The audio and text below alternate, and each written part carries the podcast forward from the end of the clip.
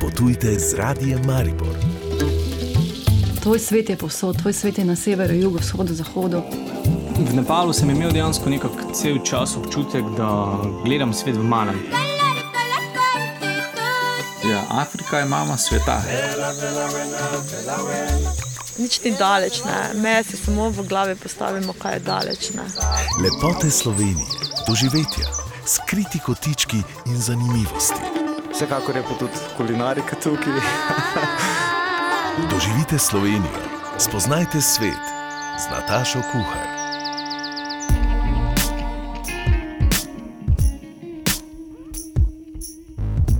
Pozdravljeni in dobrodošli ob poslušanju turistično obarvanih vsebin. Danes boste spoznali ambasadorja gostoljubja in dobrega počutja, ki so jo ta teden razglasili na Mariborski višji strokovni šoli za gostinstvo in turizem. Ambasadorja promovirata poklice v gostinstvu, turizmu in wellnessu doma in v tujini.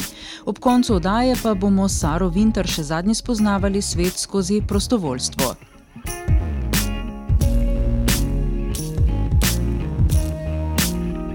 Preden damo besedo mladim kreatorjem turizma, pa nekaj novic.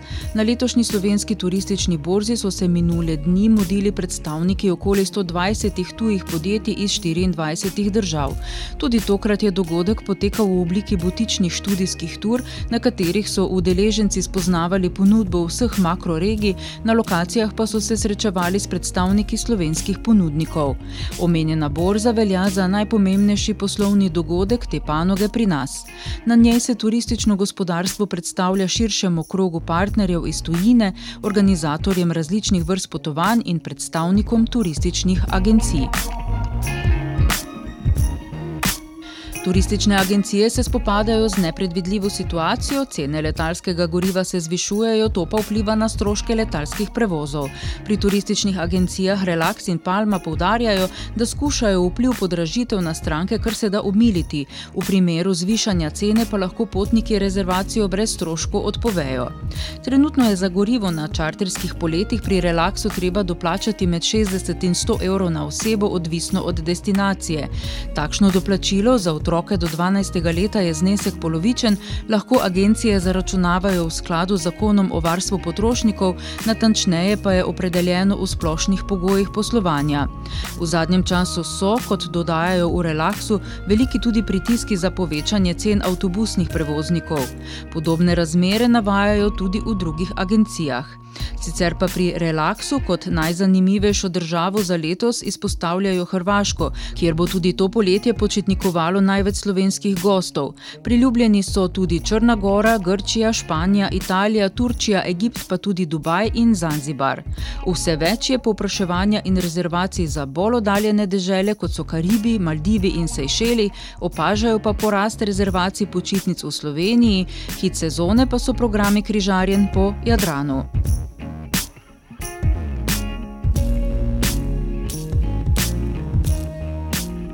In zdaj k napovedani temi. Na tradicionalni prireditvi Više strokovne šole za gostinstvo in turizem Maribor so ta teden izbrali ambasadorja gostoljubja in dobrega počutja. Direktorico šole Tanjo Angleitner Sagadin smo vprašali, po kakšnih kriterijih izbirajo študente, ki zaslužijo ta naziv. Imamo točkovnik, eh, en del točkovnika je, so uspehi, medalje, dosežki in vse to, drugi del pa tako kot tudi pri popevki Eurovizije, torej nominir, za nominirance glasujejo njihovi kolegi, študentke in študenti, kar pomeni, da lahko pridobijo tam še vsaj 160 glasov, to se potem rangira, skupaj točk nam pa da vse to, kar privede do končnega zmagovalca ali pa zmagovalke. Letos je to že katera prireditev? Enajsta. Vmes smo, nismo imeli čisto vsako leto, Martin Jezeršek, mislim, da je bil prvi ambasador leta 2007-2008. Vmes je, smo imeli nekaj par podelitev vsake dve leti, leto 2020 je sploh nismo, ja, 2020 smo imeli nadaljavo, 2021 pa smo rekli, bomo združili zdaj v 2022, sedaj si pa seveda želimo, da bo to ponovno vsako leto. Ker tako kot ste videli, študij traja dve leti in uh, to so drugi letniki, ki polovica jih gre dalje študirati, polovica jih zaključi in nima potem več niti priložnosti, da bi se, če bi spustili eno leto, potem še enkrat lahko potegovali za ta naziv, tako da mislim, da mora ostati stalnica. Glede zanimanja za študij na njihovi šoli pa pravi. Zdaj, konkretno generacija, ki se upisuje letos, 2000 so letniki rojstva 2003, je demografsko gledano najšipkejša v Sloveniji. In to samo za terciarno izobraževanje pomeni skoraj tisoč mladostnikov manj na nivoju cele Slovenije. Tako da zagotovo bo vsaka šola, univerza, fakulteta potegnila krajšo. Ampak mislim, da prav za temi aktivnostmi, projekti, dogodki, uličnimi festivali, ki jih organiziramo, da poskušamo širiti to dobro voljo, da poskušamo tudi preko angažmaja študentov, vključevanja dela študenta na teh dogodkih, pokazati mladim, kakšne so možnosti, priložnosti, da je veliko potencijala, da se lahko imamo fajn, tudi če delamo 14 ur in da skratka, da je to poklic prihodnosti, ker vsi vemo, ko se gospodarstvo pobere, ko mine kriza, ko mine COVID, kaj najprej zaživi potovanja, turizem in, in v tem bo vedno priložnost, vedno prihodnost in vedno delovna mesta. Tako da že z tega vidika bi bilo super, če bi se več mladih odločilo za to. V nadaljevanju se nam bosta ambasadorja tudi predstavila. Lepote Slovenije, okusna doživetja, zanimivi ljudje. Potujte drugače, potujte z radijem Maribor.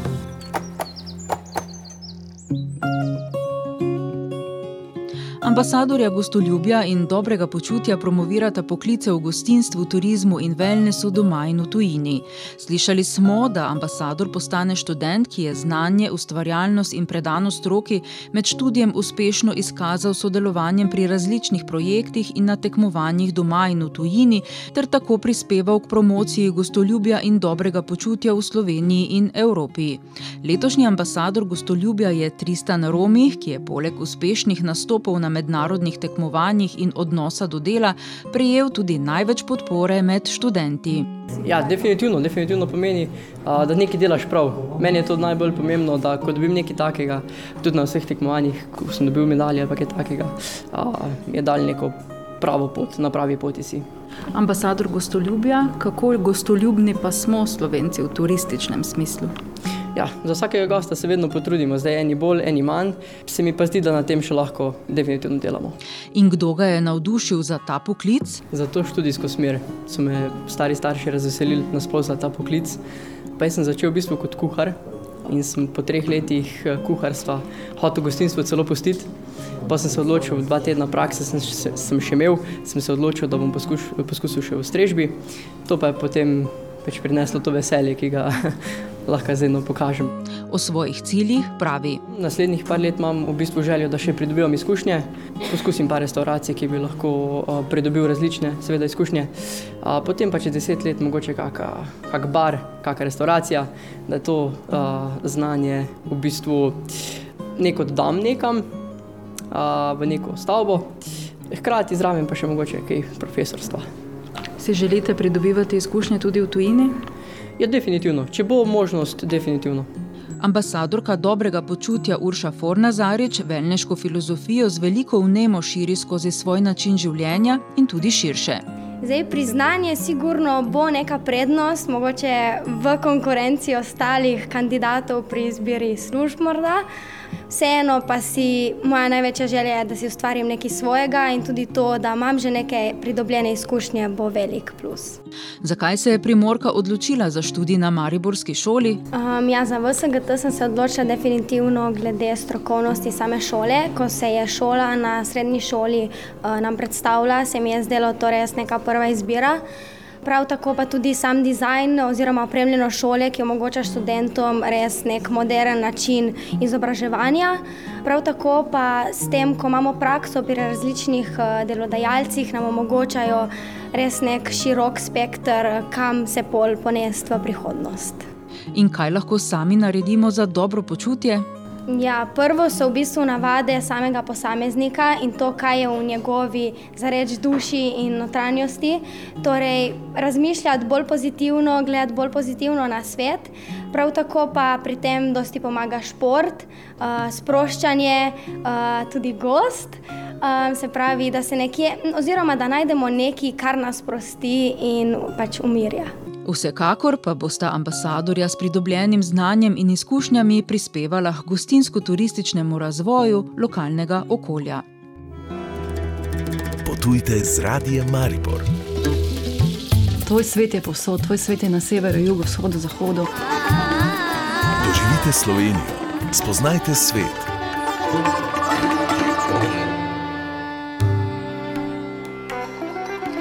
Še zadnjo soboto bomo s celjanko Saro Vinter odkrivali svet skozi prostovoljstvo. Spomnimo, da se je pred nekaj leti za leto dni odpravila po Indiji, Indoneziji, Tajski, Šrilanki, Maleziji in Vietnamu. Zadnjih nekaj sobot z nami deli izkušnje prostovoljstva in poceni potovanj.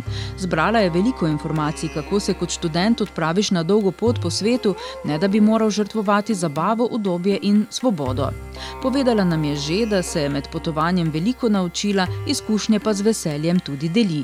Danes nam bo še zaupala, kako je bilo v Maleziji in na Tajskem. Malezija je bila v bistvu ena tako zelo spontana država, ker nisem imela nikoli nobenega namena ali pa želje iti tam, ampak sem pol šla prvič na en visaran uh, za vizo. No. Kot sem prej omenila, iz Indije je bilo treba vsake tri mesece nekam iti in se potem vrniti. In en izmed teh vizaranov je bil um, na Malezijo, v Malezijo. In um, v bistvu, ja, jaz sem šla nekako res skoraj brez pričakovanj, v bistvu, ampak sem bila zelo, zelo pozitivno presenečena. Kuala Lumpur je res lepo mesto, um, zelo dobra hrana, nekako se mi zdi tako. Um, eno mesto, v katerem lahko začutiš utrip celotne Azije. Imela sem tudi res srečo, ker sem tam preko surfinga spoznala eno indonezijko, ki živi v Kuala Lumpur in sem pri njej lahko živela uh, en teden. In mi je potem ona no, malo razkazala mesto in me peljala na okrog, pokazala svoje življenje in je bila res, res ena zelo lepa izkušnja. Tajska je pa. Um, Mogoče izmed vseh azijskih držav mi je bila nekako ne najmanj všeč, ampak nekako mi ni dala nič kaj ekstra posebnega. Tam sem tudi imela srečo, no, ker me je najprej obiskala ena prijateljica, smo skupaj nekaj časa potovali, pa je pa še sestra prišla k meni.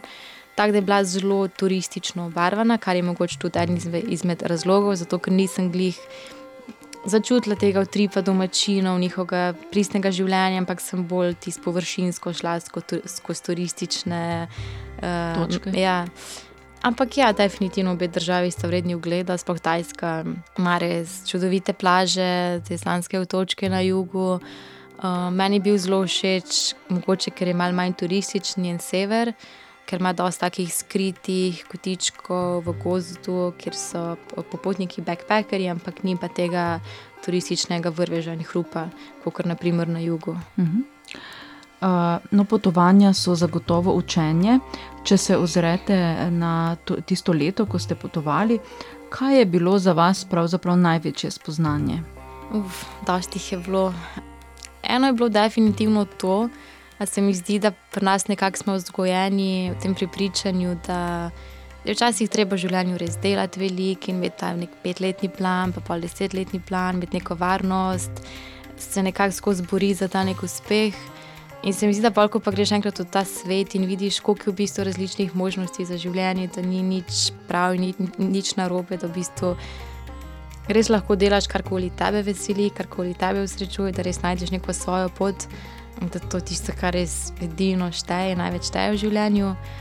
To bom, po mojem, se mi zdi, da je bila tudi naj, najbolj pomembnih ugotovitev. Pa definitivno tudi to, kot sem že na začetku rekla, da v osnovi je svet res dopno, vsaj moja izkušnja je bila taka in to je za mene najbolj pomembno, da ljudje so prijazni, da nekako imaš to neko no, zaupanje in viro v svet. In to ti tudi pomaga, da nisi potem razočaran. Ne? Ja, ja, definitivno. Ampak kako varno je bilo potovati za mlado deklejo, vendar le ste bili sami na poti, ne? ste ja. imeli kakšne neprijetne izkušnje? Za mene osebno, jaz sem se res počutila varno. Res je, da sem spoštovala v vseh teh državah njihovo kulturo oblačenja, obnašanja. Kot sem prej omenila, Indija včasih zna biti malo intenzivna, kaotična, sploh kot blondinka. Mlada punca so tam res velikrat um, se hoteli zraven slikati, zelo so nori na, na te selfije. Tako da včasih je bilo to zelo naporno in pol, da, da mi je bilo malo lažje, sem se včasih malo zagrnila s kako ruto, skrila lase. Tako da, ja, se mi zdi, da treba je upoštevati neke njihove norme, kulturne um, navade in vse. Ampak jaz nisem imela nobene slabe izkušnje, Kvečemu sem imela res dobre izkušnje, ko sem se znašla kdaj v kakšni zagati, pa so mi potem glih domačini priskočili na pomoč in mi pomagali, da bi pa se kdajkoli počutila, um, vem, da bi bila v strahu ali pa v neki taki slabi situaciji. Pa ne, sem imela res srečo. No. No, zdaj ste že nekaj časa doma, z izjemo nekaj mesecev, verjetno v Ja. Južni Ameriki. Ja. Eh, Pogrešate eh, takšno popotniško življenje? ja, definitivno ga. Velikrat sploh tako, ko pa razmišljam, in malo bojem spomine. Pogrešam to nepričakovanost in to neko, ja, to preprosto življenje, ko ne veš, kaj te v dnevu čaka, ampak si pač odprt za vse in dovoli življenju, da ti da karkoli ti je pač ta dan namenjeno. To, da si odprt za so ljudi, da slišiš različne zgodbe, da nekako se odpreš za cel svet in vidiš. Um, kaj se dogaja, spoznavaš ljudi, spoznavaš nova mesta, nove zgodbe. Um, ampak jaz se, se zavedam, da bo kmalo tudi prišel čas za to. Se spomnite kakšne zgodbe, ki vas je posebej zaznamovala? Ja, ena zgodba je, glih to, ono, kot sem omenila, um, zakaj res se mi zdi, da so ljudje tako prijazni in um, zakaj jaz res mi zdi, no, da verjamem, da um, so ljudje v osnovi dobri. Enkrat se mi je zgodilo v Indoneziji. Na enem otoku uh, Sumatra, ki je tako dosti nerazvit otok, sem ostala brez denarja, zato ker mi bančna kartica mi nekaj ni delala. Oni so glih praznovali, ker, so, ker je to muslimanski otok, so praznovali, mislim, da Ramadan in so bile vse banke zaprte. Skratka, jaz sem bila glih v eni časovni stiski, ker sem mogla priti iz ene male vasi do glavnega mesta otoka na letališče, ker sem imela uh, letalski prevoz, brez denarja, brez vsega. In to ne sveda takrat sem bila res malo v paniki, da kaj bo, če zamudim let in da sem, pač sploh ne vem to, točno, kje sem, nimam denarja. In jaz sem hotela pol enemu vozniku avtobusa razložiti ta moj problem, če bi, če bi mogoče lahko šla z njim do glavnega mesta, pa mu potem nekako plačala denar, če bi mogoče tam bankomati delali. Oni go- govorijo angliški in potem je nek drug gospod v avtobusu slišal vse, oni govorijo angliški in mi je pa on priskočil na pomoč. Skratka, in pol smo se celo pot pogovarjala o njegovi družini, o meni, o tem izkušnjem, zakaj potujem, sama potujem, kakšno je življenje pa nas doma, v moji državi. Pol na koncu me je še pospremil do letališča, skratka, en res prijazen starejši gospod. In ko sem hotela na koncu tudi mu povrniti, mu dati denar, oziroma vzeti njegove um, bančne podatke, da bi mu lahko dala uh, denar, je rekel, da ne, da v bistvu on to, da um, je delo za, da v bistvu no, rekel je tako, da on si želi, če bi slučajno njegova ščirka se kdaj znašla v podobni situaciji, da si želi, da bi tudi ona dobila tak odziv sveta, da si res želi širiti dobro, biti dobro in pomagati ljudem. Kar se mi zdi, da pri nas se mi zdi, da se dostakrat, ker vsi malo obračamo vsak sam sebi in nismo tako odprti za stisko sočloveka. Res je. Kaj od tega, kar ste se naučili na potovanju, še danes izvajate v vsakdanjem življenju? Najbrž jogo, ne? Ja, to se trudim, da jogo, meditacijo. Sicer pri prehrani se pa malo ustavi, ker v Aziji je le obilica tropskega sadja, vse je skozi na voljo sveže, sveža zelenjava, tukaj pri nas je vse malo drugače. Ampak ja, mislim, da nekako najbolj skušam prakticirati to neko zaljubljenost v življenju, mogoče, no, ko ga imajo tam mogoče malo več kot krmi, tukaj se mi zdi, da se včasih kar malo pritožujemo nad vsakim delovnim dnem in nad vsem, kar se nam dogaja. Tam se mi zdi pa, da je več te neke navdušenosti nad življenjem, neke odprtosti in se mi zdi, da to no res um, skušam povrniti vsak dan. Pol pa tudi te ja, klasične stvari, kot izvajanje joge, meditacije, vsega, kar sem se naučila v šoli za jogo. Kam pa vas vleče, o čem sanjate in kdaj boste šli? Bili ste torej v Južni Ameriki, ne tudi o tem ste sanjali. Ja, to je bil v bistvu takoj po Aziji, je bila želja iti v Južno Ameriko, um, kamor bi se še enkrat vrnila, ker zdaj sem bila tri mesece, videla sem samo dve državi. Ju, Južna Amerika pa ti ponuja še toliko več, da je definitivno še vredno iti nazaj. Um, tako da, ja, naslednji načrt je po končanem magisteriju iti v Centralno Ameriko, najbrž za eno leto um, in ponoviti ten ta gap year. No. Nekako si pustiti odprto pot, za eno smerno letalsko karto, iti tja in potem videti, kaj me čaka tam.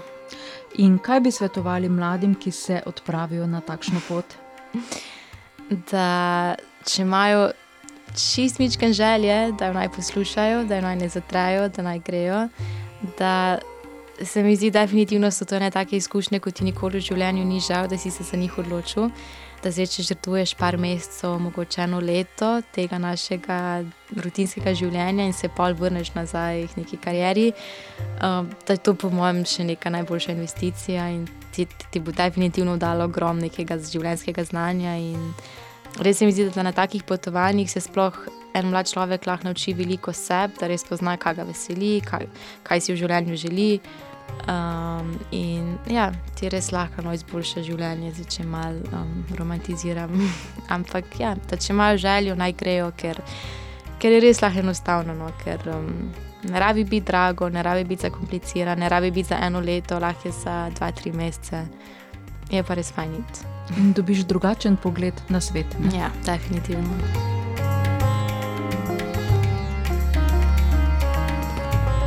Saro smo pripotovali do konca njene pripovedi, že naslednjič pa nas čaka nova zgodba. Naša gostja, Mariborčanka Bernarda Biber, nas bo popeljala po dveh biserih Kaukaza.